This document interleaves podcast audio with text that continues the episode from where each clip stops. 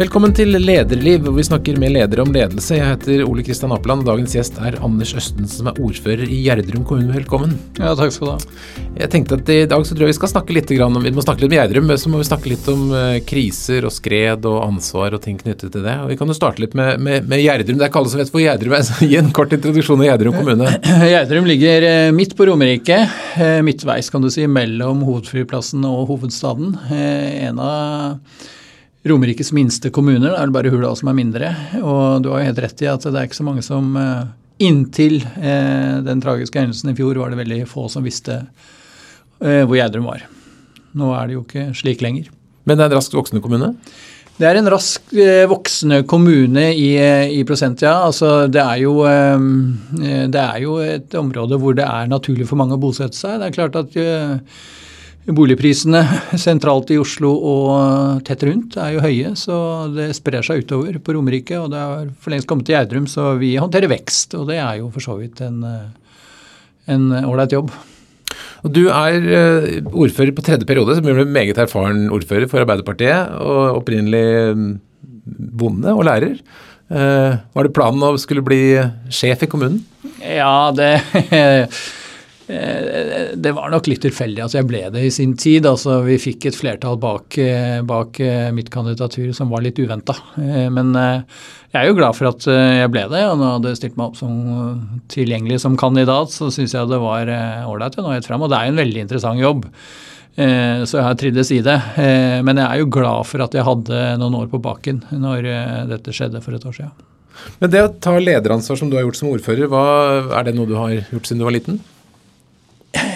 Jeg vil jo ikke si det, at jeg var en sånn som eh, alltid ble elevrådsformann og, og, tok på meg verv eh, overalt. Eh, det var ikke sånn. Jeg har alltid vært veldig engasjert, samfunnsbevisst og engasjert i, i hvordan vi bør rigge oss for å skape gode liv. Og um, så var det vel sånn også at uh, Ja, altså Jobben i, Ordførerjobben i Gjerdrum er jo normalt sett eh, ikke veldig hektisk, eh, som vi var inne på. Det er jo en, en eh, forholdsvis liten kommune, eh, men, eh, og som er veldrevet. Altså Vi har få problemer som vi må ta tak i. Eh, få sosiale problemer, forholdsvis høy inntekt i befolkningen, ligger sentralt plassert osv. Så, så mm, det var ikke sånn, altså Man blir ikke på, satt på de helt store prøvene som leder i Gjerdrum. men det endra seg jo voldsomt, eh, og da fikk jeg kanskje vist egenskaper om meg sjøl som jeg ikke var så klar over at jeg hadde, og andre eh, la merke til. Mm. Vi skal snakke litt om Men, men aller først, eh, alle kjenner opp, alle har jo ordførere, og det er sånn noe man omgås hele tiden ordfører. Men hva er egentlig arbeidsoppgaven til en ordfører? Hva gjør du hver dag? Altså det er jo veldig å, å, styre den politiske agendaen. da. I en, en kommune som er i en utvikling, så er det mye planarbeid. Vi må sørge for at vi alltid har gode planer, sånn at utviklingen går på skinner. Og de planene må være gode og gjennomarbeida. Vi må få det opp til politisk behandling, slik at uh, vi har et mandat for å iverksette.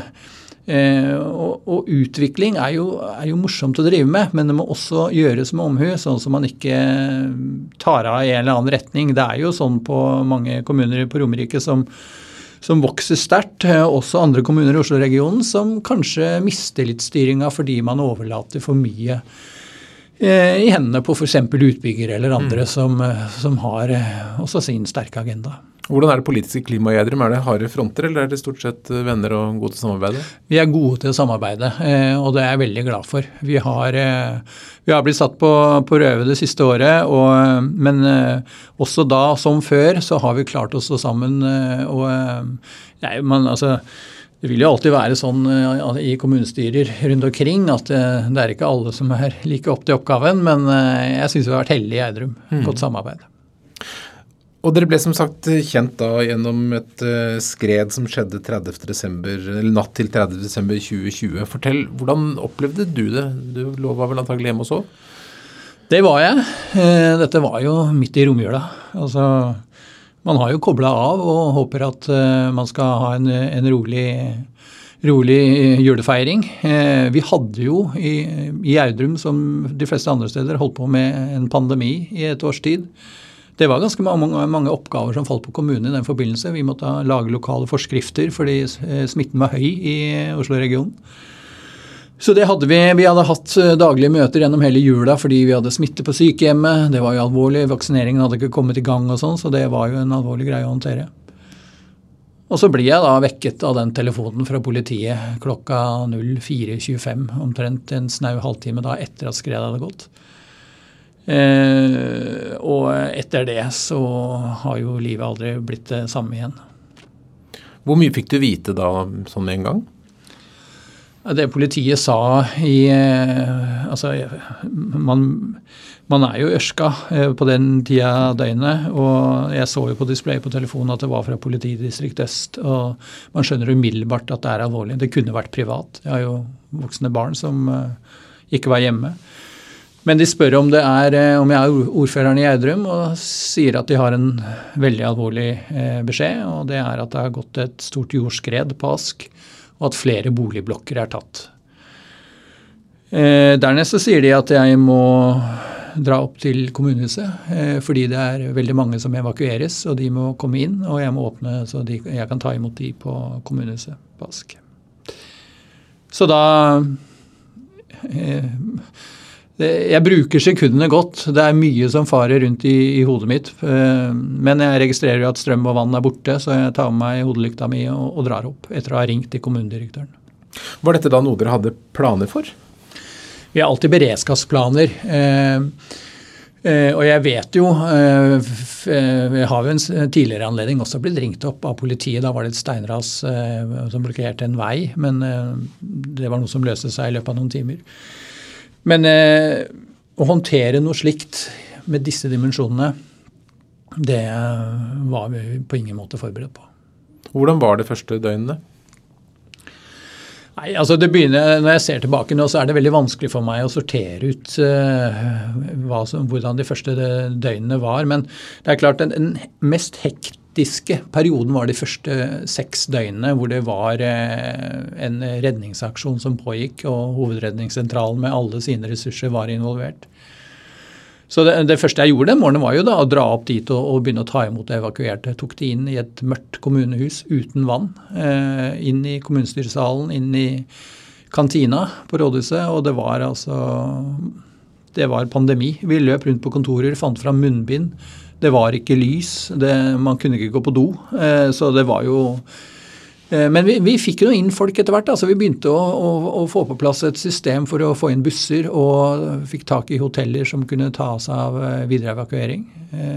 Så vi, vi klarte å få en gjennomstrømning på det. og det Sett i ettertid så gikk det veldig bra, men det var Det er noen tilfeldigheter, altså, som, som, melder seg på, på det, i romjula eh, så tidlig på morgenen. Altså Hoteller var stengt, det var jo ikke Det var pandemi og, og lite besøk i jula. Så det var mange som måtte mobilisere veldig kjapt.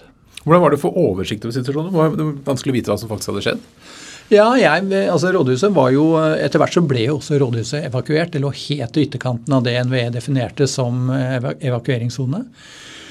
Så jeg hadde jo ikke noe fornemmelse av hva som hadde skjedd. Men etter hvert som jeg begynte å se folk komme inn på kommunehuset, og det kom jo flere folk jeg kjenner, mm -hmm. og som jeg prata med, og jeg så jo etter hvert på på mennesker som jeg kjenner forholdsvis godt, da, at de hadde vært med på noe fryktelig traumatisk eh, og skremmende. Så jeg skjønte jo etter hvert at dette her var eh, fryktelig alvorlig. Og, etter, og, og, så snappet vi opp. altså vi Bare glimtvis se på noen TV-skjerm etter at vi hadde flyttet over på Kulturhuset, der hvor eh, etter evakuert, at kommunehuset ble evakuert at det var mange som ikke var gjort rede for. og etter hvert så Pressen var jo veldig kjapt til stede, og så begynte jo ting bare å gå i ett. Mm.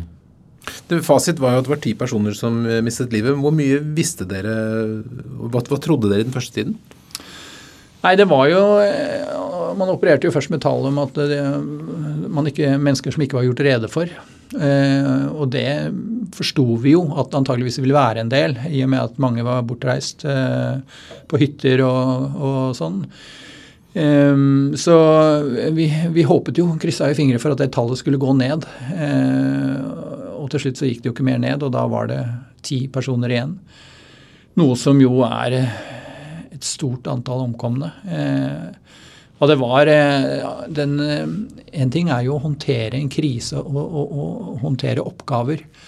Men eh, med så mye menneskelig lidelse, så mange pårørende eh, og et voldsomt behov for eh, informasjon til alle som var berørt. Det var nok de oppgavene som sto, var mest, hvilte mest på meg, og som jeg oppfatta som svært krevende i de første mm. døgnene. Hva gjorde denne hendelsen med lokalsamfunnet? Nei, det var jo Vi er jo ganske lite lokalsamfunn, og vi har stått sammen bra. Vi mange Vi, vi kaller oss sjøl for en dugnadsbygd, det er det jo mange som gjør. Men eh, vi er altså det kulturhuset vi var samla i hvor hele operasjonen eh, foregikk ut fra. Altså hvor både politi og brann og alle frivillige organisasjoner i tillegg til kommune og NVE var samla. Det huset er bygd på dugnad. Eh, på restene fra Folkets hus og Bøndenes hus i Gjerdrum så bygde, brukte forsikringspenger og bygde det med folk, fra, med folk i bygda.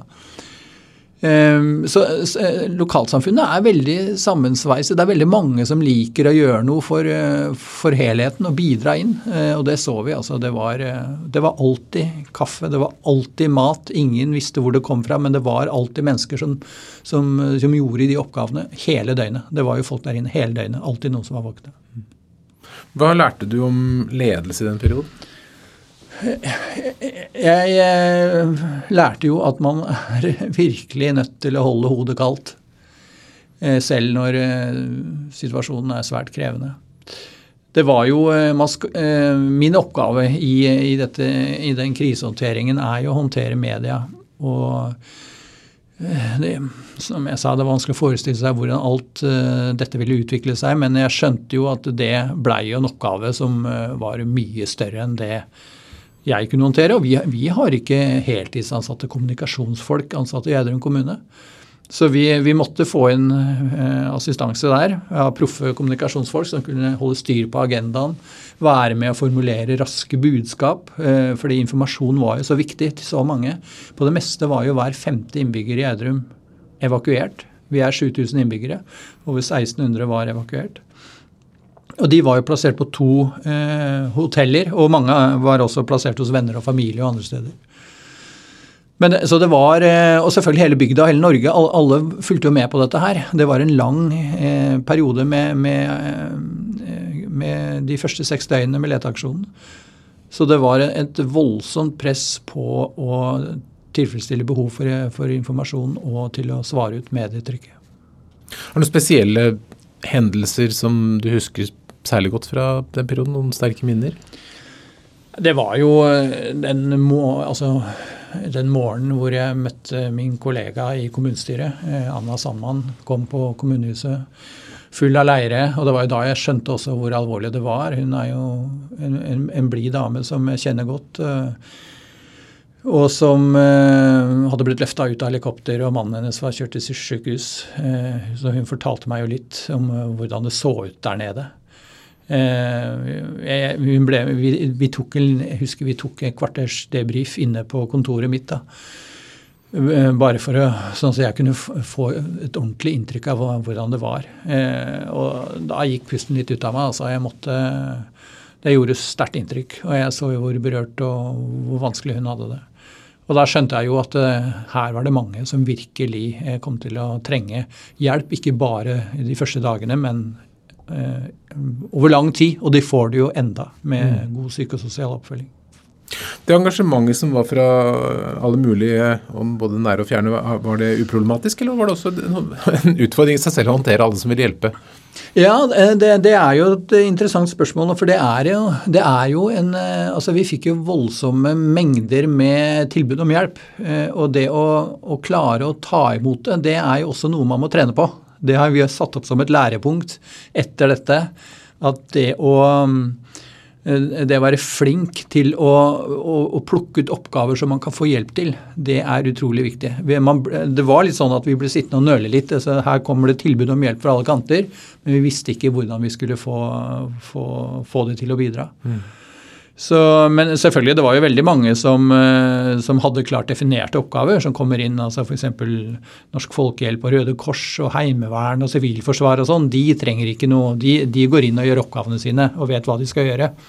Men det er veldig mange andre frivillige som, fra hele Norge og fra, fra Gjerdrum og nabobygder som eh, var villige til å stille opp og bidra, men uh, vanskelig å Ja, det var innsamlinger av klær og mye forskjellige initiativer? Ja, det var voldsomt. Altså, det var jo sånne spleisaksjoner eh, fra noen karer i Trøndelag som jo samla inn eh, over seks millioner.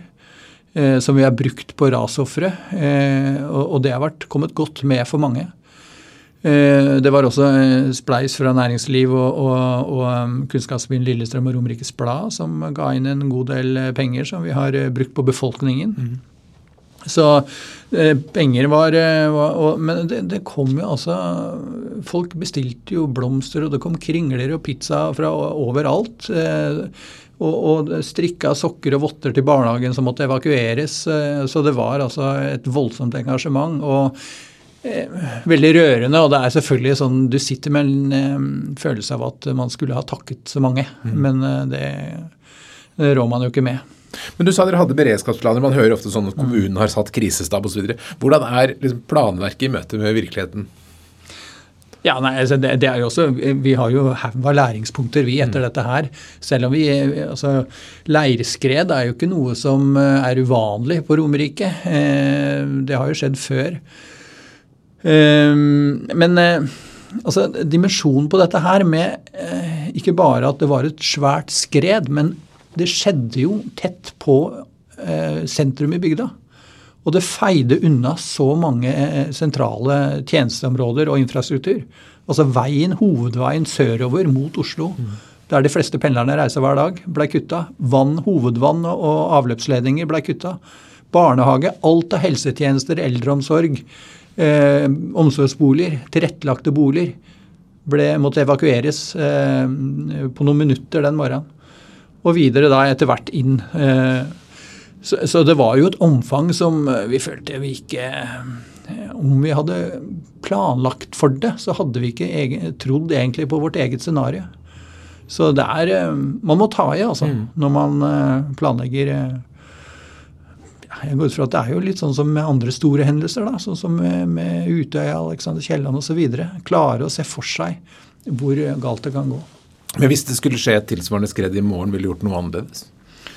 Vi ville nok hatt noe mer automatikk. Vi ville nok eh, raskere få tak i, i støtte eh, som, vi, vi, som, vi, skjønte vi måtte ha. Bl.a. dette her med kommunikasjon og informasjon. Det å klare å, å med, Det melder seg et stort behov for dette med vakthold og sikring. Det hadde vi jo ikke sjans til å ordne på egen hånd. Men da, selvfølgelig, når det er en så stor operasjon, så, så kan jo Heimevernet og andre komme inn og løse de oppgavene. Så det er eh, Vi måtte nok eh, Vi hadde nok gjort en del ting annerledes, men i det store og hele, altså Det er jo en krises natur at den er uforutsigbar. At den alltid har noe ved seg som er vanskelig å uh, kunne håndtere, og vite hvordan man skal håndtere helt sikkert på forhånd. Så neste krise vil sikkert ha noe annet ved seg som og vi også møter uforberedt på. Mm. Så nå er jo dette drøyt år siden. Hva er det som har skjedd i, i dette året?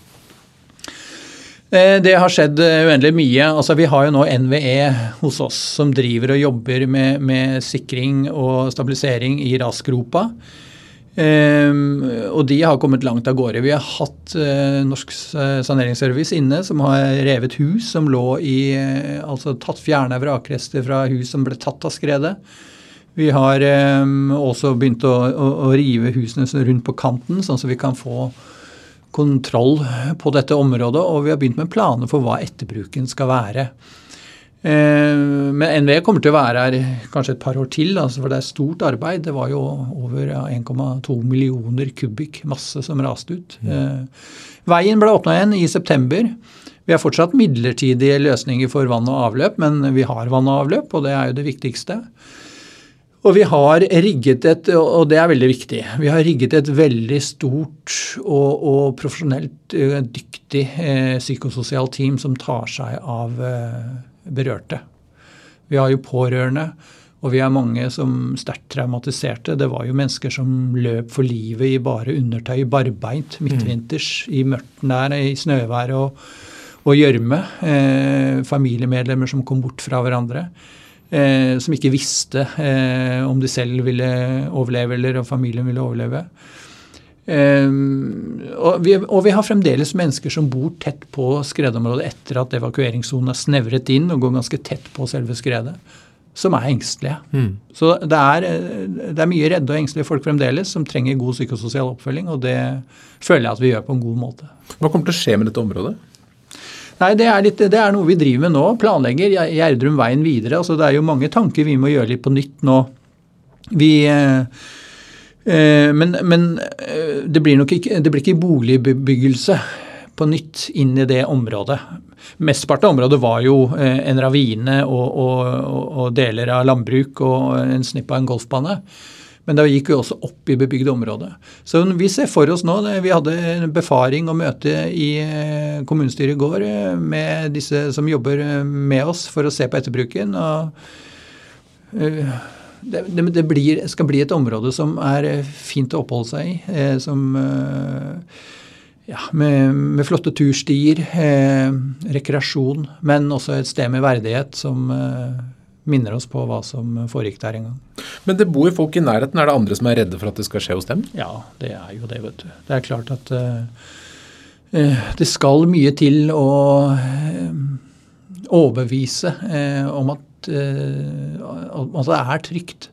Man opplevde det jo som trygt før, og så skjer et skred. Og så er det veldig vanskelig å vite hva, altså, hva kunne vi ha gjort noe med, hva kunne vi ikke gjort noe med. Eh, nå er jo kommunen sikta, og det kommer vi sikkert tilbake til, men, men eh, det vil jo alltid være en risiko. Og den risikoen klarer man ikke å sette ned til null. Og da må, jo, da må vi alle som innbyggere forholde oss til at naturskade er en risiko, og, som vi også må leve med. Men mm. For mange er det jo det vanskelig å takle. Mm. Og som du nevnte, altså Politiet startet etterforskning i, i allerede i år 2021, og nå i februar så ble dere siktet for manglende oppfølging av varsler. Hvordan opplevde du å få den nyheten? Nei, det som eh, jeg syns var vanskelig, var jo at jeg føler at vi som lokalsamfunn har stått veldig sammen eh, etter denne tragedien. Stått sammen med å håndtere den vanskelige og krevende situasjonen vi har vært i. Eh, vi, ja, vi, vi, har jo som kommune eh, eh, vært veldig åpne lagt veldig vekt på å fremstå med at det vi sier, er det vi vet, ikke legge skjul på noe. Tilgjengeliggjøre alt av, av dokumenter som er relevante, og, og, og, prate med alle som vil prate med oss, og fortelle hvordan vi har opplevd dette, og vi, hva vi tror har skjedd. Så eh, med den siktelsen så kommer det jo på en måte en kile inn da, mellom kommunen og befolkningen eh, for øvrig. Eh, mm. vi er jo sikta, og det er jo en det er jo en fryktelig tung eh, siktelse å leve med. altså at du... For utgangspunktet er at dere burde ha visst, dere burde, burde ha gjort noe? Det mener, altså det er basert på eh, tolv eh, varsler som kom fra 2008 og frem til eh, 2019. Eh, politiet mener at de varslene burde vært satt i sammenheng, og at kommunen burde ha reagert eh, på de varslene. Hva slags varsler var det? Nei, altså, det, og Der har jo min oppfatning om at eh, for det første er ikke alt varsler. Men de, de, de viktigste varslene som også er omtalt i Gjerdrum-utvalgets rapport som utløsende årsak for skredet, er jo erosjon i en bekk, Tistelbekken, mm. som rant nedenfor Holmen gård i, i en ravine. Og det er noen som har meldt inn at det var noe der? Ja, det har blitt meldt inn. Og det, det var jo tvilsomt eh, en stygg erosjon, ikke sant. Men, men, men, dette var såpass langt unna det planområdet som Nystulia boligfelt hadde, eh, ble bygd på. Så, så eh, Ifølge datidens regler så, så, var det ikke noe krav for å kunne dokumentere grunnforhold såpass langt unna boligfeltet. Det står jo i rapporten at det ville i, i dagens eh, plan- og bygningslov så ville det også blitt fanget opp. Man skal ha kontroll på områdestabiliteten på større område. Så det Men disse varslene, er det ting som du kjente til fra før?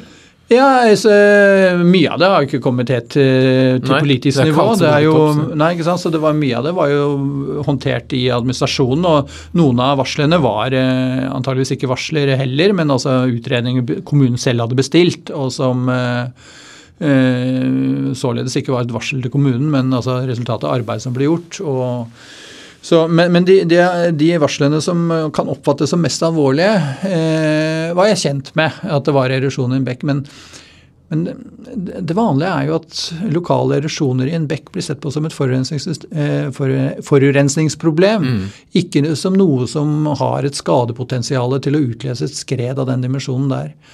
Eh, og på de kvikkleirekartene vi så på fra NVE, så var det jo ikke noe stor faregrad i Nystilia. Så så det gjør at vi eh, syns jo at den er uventa eh, og litt urimelig, den eh, siktelsen. Men har det vært mye snakk om skyld etter hendelsen? Altså Man peker på hvem som egentlig er ansvarlig for dette? Ja, og det Gjerdrum-utvalget under ledelse av Inger Ian sa jo at deres oppgave var ikke å plassere skyld eller ansvar, men å finne utløsende årsak. Og så sa du jo samtidig at det er vanskelig å plassere ansvar i, i, denne saken. og Derfor er del to av det eh, arbeidet er jo en NOU som skal se på hvordan man kan regulere dette bedre gjennom lovverket. Hvordan skal vi som samfunn rigge oss bedre for å hindre at sånt kan skje igjen. Eh, og Det arbeidet ser jo vi veldig frem til. Vi skjønner jo som alle andre at er, vi er ikke godt nok eh, organisert som samfunn når slike ting kan se. Altså Det er en livsfarlig erosjon i en bekk som foregår noen hundre meter unna et boligfelt. Og det er ut fra de, sånn som vi håndterer det nå, så oppfatter vi ikke farepotensialet i det. Og det er klart at eh, Sånne ting vil vi jo gjerne bli bedre til i framtida. Men hvis dere mm, er ansvarlig og skulle ha gjort noe mer? Tenker du at det er mange kommuner som sitter med tilsvarende Eller som burde være litt urolige og ha et større ansvar for ting som skjer? Ja, dette vil jo, dette vil jo være altså, eh, For det første tror jeg jo at eh, NOU-en vil legge fram eh, forslag som vil gjelde og ramme hele Kommune-Norge. Altså ramme i den forstand at vi, vi, er nødt til å ha et strengere og bedre oppfølging av, og bedre kontroll på utbyggingsområder. Og det tror jeg er helt nødvendig. Men øh, vi øh, Ja, altså klart at og, Skulle kommunen bli dømt i dette, her sånn, så er det jo helt innlysende at da er det mange kommuner som, øh, som får et stort behov for å undersøke hvordan det står til mange steder i kommunene sine. Og vi er jo ikke rigga til å håndtere det. Altså, hvordan, det må også si noe om hvordan vi skal finansiere det. Hvem skal ha ansvaret? Har vi nok kompetanse i samfunnet til å håndtere det? Kommunene rundt omkring i Norge har jo ikke kompetanse nok på geoteknikk. De må leie det inn. Har vi store nok miljøer? Har vi finansiering? Da må staten gå inn og si at vi må, vi må, vi må nå så, bruke så mye penger på geotekniske undersøkelser for å være helt sikre på eh, at eh, folk bor trygt. Ja, for Én ting er jo i planfasen å si at man skal ikke bygge der eller der, men når man har et boligfelt som ligger på et dårlig sted, hva, hva kan man gjøre? Nei, Det er jo det som er eh, problemet. Altså Nye utbyggingsfelt er jo eh, strengt eh, regulert nå og med, store, med, med, gode og strenge krav, som er helt nødvendig. Men eksisterende bebyggelse har jo ikke den samme eh, kontrollen rundt seg. Så det er jo der NVE og andre sier at det er jo der det er skummelt, fordi der vet man ikke hva som er i grunnen, og dermed ikke skadepotensialet i f.eks. erosjon i bekker som ligger i nærheten. Mm. Så dere føler at dere er nå i fronten av noen endringer som kommer til å skje? Ja, det kan, det kan, det godt være. At, er, eh, at, vi, at, det kommer endringer nå som eh, vil få, få store endringer, altså stor betydning for eh, alle landets kommuner som har den type problemer som vi står i. da. Mm. I det året som du har hatt da, fra denne grusomme natten, har du ofte reflektert rundt din egen rolle som leder og hvordan du vil være som leder for bygda? Ja, eh, jeg må innrømme at jeg har ikke eh, sittet ned og reflektert sånn kun over det, men jeg har jo sånn i, i, året som har gått, tenkt hvor utrolig viktig det er å fremstå som en som er ærlig og åpen, eh, og ikke få Det verste som jeg kunne tenke meg, var jo at man hadde en fornemmelse av meg som en som ikke brydde seg, var arrogant, ikke tok problem på alvor jeg syns det var viktigere å bevare egen posisjon. Alt det der er så fjernt for meg at hvis det inntrykket skulle sette seg, så hadde det vært et eh, vanvittig nederlag for meg. Mm. Eh, være oppriktig i alt som skjer. Eh, åpen og ærlig. Eh, det skylder man de innbyggerne man tross alt er valgt av. Da. Og så er det jo et problem at tilliten til politikere ikke er den høyeste for tida. Det har jo vært mye surr på Stortinget, og, og sånne, sånne, ting er er utrolig skadelig. Mm. Vi, vi, må oppfattes som uh, åpne og ærlige mennesker. Tror du denne hendelsen har hatt noen påvirkning på Gjerdrums befolknings syn på politikerne sine? Jeg håper og tror at de oppfatter eh, oss alle som nettopp det. Altså vi, eh, Noen som er oppriktig opptatt av innbyggernes ve og vel, og at vi er veldig lei oss for at sånt kan skje, selv om vi ikke føler at vi, det er noe konkret vi har gjort feil. Men vi vil jo selvfølgelig gjøre alt vi kan i framtida for å hindre at noe sånt skjer igjen. Mm. Og det er jo noe vi Altså, Vi vil jo ikke motsette oss noen sånne endringer i det hele tatt. Eh, men den siktelsen er jo litt, litt vanskelig i så måte, da. Eh, vi, det er jo noen som da plasserer ansvaret på oss, eh, og det ja, det er jo litt, det er litt vanskelig å bære det. Skaper den også splittelser i kommunestyret, eller står man sammen som et kollegium? Nei, det, det, skaper nok noe splittelse i kommunen, men ikke i kommunestyret. Jeg har ikke opplevd det. altså. De fleste der er helt enig i uh, vårt valg om å forsvare oss og, og tilkjennegi hva vi oppfatter som uh, at det ikke er riktig i, i, siktelsen. Hvor lenge tror du denne ulykken kommer til å prege kommunen? Nei, det, jo, det vil jo bli et før og etter her. Altså, vi er jo uh, Ja, det, det, kommer til å ta generasjoner. vi vet jo litt. altså Jeg har jo fått mye Eh, hatt en del kontakt med andre steder som har opplevd noe lignende. Mm. Rissaraset f.eks. Det, var, eh, det tok 25 år før man fikk opp et minnesmerke. Det var eh, eh, vanskelig å snakke om det, vanskelig å håndtere det. Eh, og, og, det kommer nok til å være sånn også i Gjerdrum, men jeg håper vi skal klare å ha prosesser rundt det som gjør at vi kommer oss videre etter hvert. Er det noen gode sider ved det? Nei, Jeg syns det er vanskelig å finne gode sider når det har gått ti menneskeliv. Det er bare trist og sørgelig. Og jeg har gjennom hele prosessen følt så inderlig med de pårørende. hvor eh, Jeg har sett i ansiktet deres hvor eh, fortvila og, og sorgfulle de er. og det eh, det, det, er bare trist. Og så opplever jeg vel at vi som samfunn kanskje blir enda flinkere til å ta vare på hverandre. Og det er jo noe som er positivt. Mm. Har dette fått noen påvirkning på hvordan dere tenker kriseberedskap videre? Ja, vi, eh, nå vet vi jo eh, hvor eh, hardt vi kan bli satt på prøve. Det er klart at vi kommer aldri til å ta lett på ROS-analyser eller beredskapsøvelser igjen. ROS det betyr altså ja. risiko- og sårbarhetsanalyser? ja, det er det. Mm. Ja. Og det er klart at det, det arbeidet skal vi gjøre grundig. Mm. Men det, det, er jo litt interessant dette som um, at dere, at dere, skal ha fått varsler, vi skal ikke gå for langt inn i den saken. Men, men er det slik at det, for, det, foregår mange ting i en kommune? Føler du på det at det er vanskelig å holde oversikt over alle ting som skjer, og at noen ting ikke kommer over til ditt bord, og så plutselig blir stilt ansvarlig for det? Ja, det, altså det er jo det er mye som skjer. Og eh, alltid sånn, eh, altså Ting som, som ikke skjer ofte, mm. har man jo ikke innarbeida en automatikk i hvordan man skal håndtere. Og dette med skred er jo ikke, er jo ikke noe som Vi merker det jo på etter, altså arbeidet som blir gjort etterpå, at det er mange uoppgåtte stier. Også for forsikringsselskap osv. Så, videre. så det er jo ikke eh, Det er vanskelig å mm. vite hvordan man skal håndtere alt. Eh, og også på forhånd. fordi det er, eh, ja, Hva er konsekvensen av et vedtak? Klarer man å se for seg alle, alle mulige konsekvenser av, av utvikling? av så, så det, er jo, det, er jo, det, er jo, en kompleks en kommune. altså Generalistkommunene har jo mange oppgaver, og det er mye mm. vi skal se på å løse. Så det er klart å ha full oversikt over alt man gjør og konsekvenser av det, er jo ikke like enkelt. Du nevnte kommunikasjon og media som en stor oppgave. Har du lært noe om medias rolle i sånne situasjoner, og hvordan media fungerer. Har du økt tillit til mediene? Ja, det har jeg.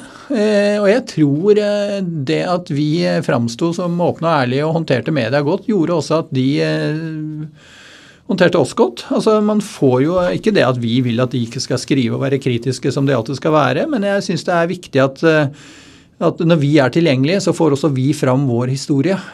Og det tror jeg er en viktig, viktig lærdom vi har tatt med oss. Og så har jeg jo skjønt at det er gode kommunikasjonsfolk. Det, det må man bare ha. Mm. Eh, jeg tenkte kanskje ikke så nøye gjennom det på forhånd, men eh, etter å ha fått med ordentlig proffe karer på laget, og, og da, så skjønte jeg jo det at eh, de vet veldig godt hva de driver med, og at det er stor hjelp. Mm. Hva er det du har grublet og lurt mest på i denne prosessen? Mm. Nei, altså Det er å håndtere mennesker. altså Klare å gi den altså Vi har hatt mange folkemøter. Eh, nå har jo ting vært vanskelig med pandemi. da, altså Møtes fysisk. Det har vært mye på Teams og sånne ting. og det, det Jeg syns jo ikke det er optimalt møte mellom mennesker når, når det er vanskelige tema vi skal snakke om. Så det å klare å gå inn i altså, medmenneskelige prosesser og, og, og, og møte øh, mennesker som har det vanskelig, på en god nok møte, måte, det er noe jeg har alltid grubla mye på i forkant og forberedt meg godt til. Fordi øh, sterkt berørte mennesker som har opplevd en krise, det, de fortjener omtanke og gode svar. Eh, og det har jeg tatt med meg videre at det må man alltid legge vekt på. Mm. Hva er du mest fornøyd med underveis? Hva som du føler at du har lykkes godt med? Eh, vi har eh, Jeg føler vi har lykkes godt på å stå sammen eh, på den politiske arenaen i, Gjerdrum. Og så vi, er jeg veldig fornøyd med at vi har veldig gode ansatte. Vi har hatt noen helt utrolig dedikerte mennesker i kommuneadministrasjonen som har stått på dag og natt og, og, dette er jo ikke alle, det er jo ikke alle de som bor i Gjerdrum, eller mange av de hadde ikke jobbet lenge i Gjerdrum heller når dette skjedde, men de har lagt ned en fantastisk innsats, virkelig gått inn i jobben og, og gjort for veldig mange av dem mer enn vi kan forvente. Så jeg er utrolig stolt av alle som jobber i Gjerdrum kommune. altså Det er lagt ned et formidabel innsats. Så det da tror jeg vi har klart å, skaffe, å skape et veldig sterkt, en sterk vi-følelse. altså alle syns det var dypt meningsfylt å bidra så mye som de kunne. Hvis vi helt til slutt skulle gi tre råd til eh, en leder som kommer i en krisesituasjon, hvilke tre kri kriselederråd ville det være? Ikke gjem deg bort. Eh, fortell ting som de er. Vær helt ærlig om hvordan du opplever det. Eh, og ja, vær, vær, tilgjengelig og åpen. Det, det tror jeg du scorer veldig på. Eh, ta godt vare på medarbeiderne dine. La også ledere på, på lavere nivå få spillerom til å håndtere eh, situasjonen rundt dem. Eh, ha tillit til at de, de vil bidra. Da merker man at engasjementet og ansvarsfølelsen vokser. Eh, den siste er vel å ja, eh, ta vare på, på, innbyggerne. Nå er jo ikke det en normal lederoppgave, da, men for meg som politiker så er det veldig viktig. Vær, eh, vær tilgjengelig også for dem. Vær, eh, møt dem der de er. Eh, slå av en prat. Vær tilgjengelig. Så ja. Åpen og ærlighet er vel kanskje det aller viktigste jeg mener er viktig i en sånn situasjon. Har du blitt en tryggere leder gjennom dette? Ja, det vil jeg si. Man, man man får jo en veldig klar fornemmelse av hva som er viktig. Eh, og så er det eh, det, det Prestisje har aldri vært viktig for meg, men eh, det blir enda mindre viktig etter å ha vært gjennom en sånn hendelse. Gjør de viktigste oppgavene, identifiser hva som virkelig trengs. Det har, eh, det har jeg lært mye av i det året som har gått. Virkelig plukke ut de arbeidsoppgavene som er de viktigste. og, og ikke, ikke, ikke, ikke, svømme med henda innover, men eh, framover og sammen med andre. Det er Man får nok oppmerksomhet allikevel. Da ønsker jeg lykke til med det arbeidet som gjenstår, og tusen takk for at du kom til Lederliv, Anders Østensen. Takk for det. Lederliv er en podkast fra Apeland. Vi legger ut nye episoder hver fredag, og du kan trykke abonner, så får du et varsel. Redaksjonen består av Ellen Paulsen, Lars Jarle Melum, Lars Volden og meg, som heter Ole Kristian Apeland. Vi er veldig mottagelige for ros og ris på e-post til meg, ole. Eller du kan gi oss en stjerne der hvor du hører podkasten. Takk for at du lytter.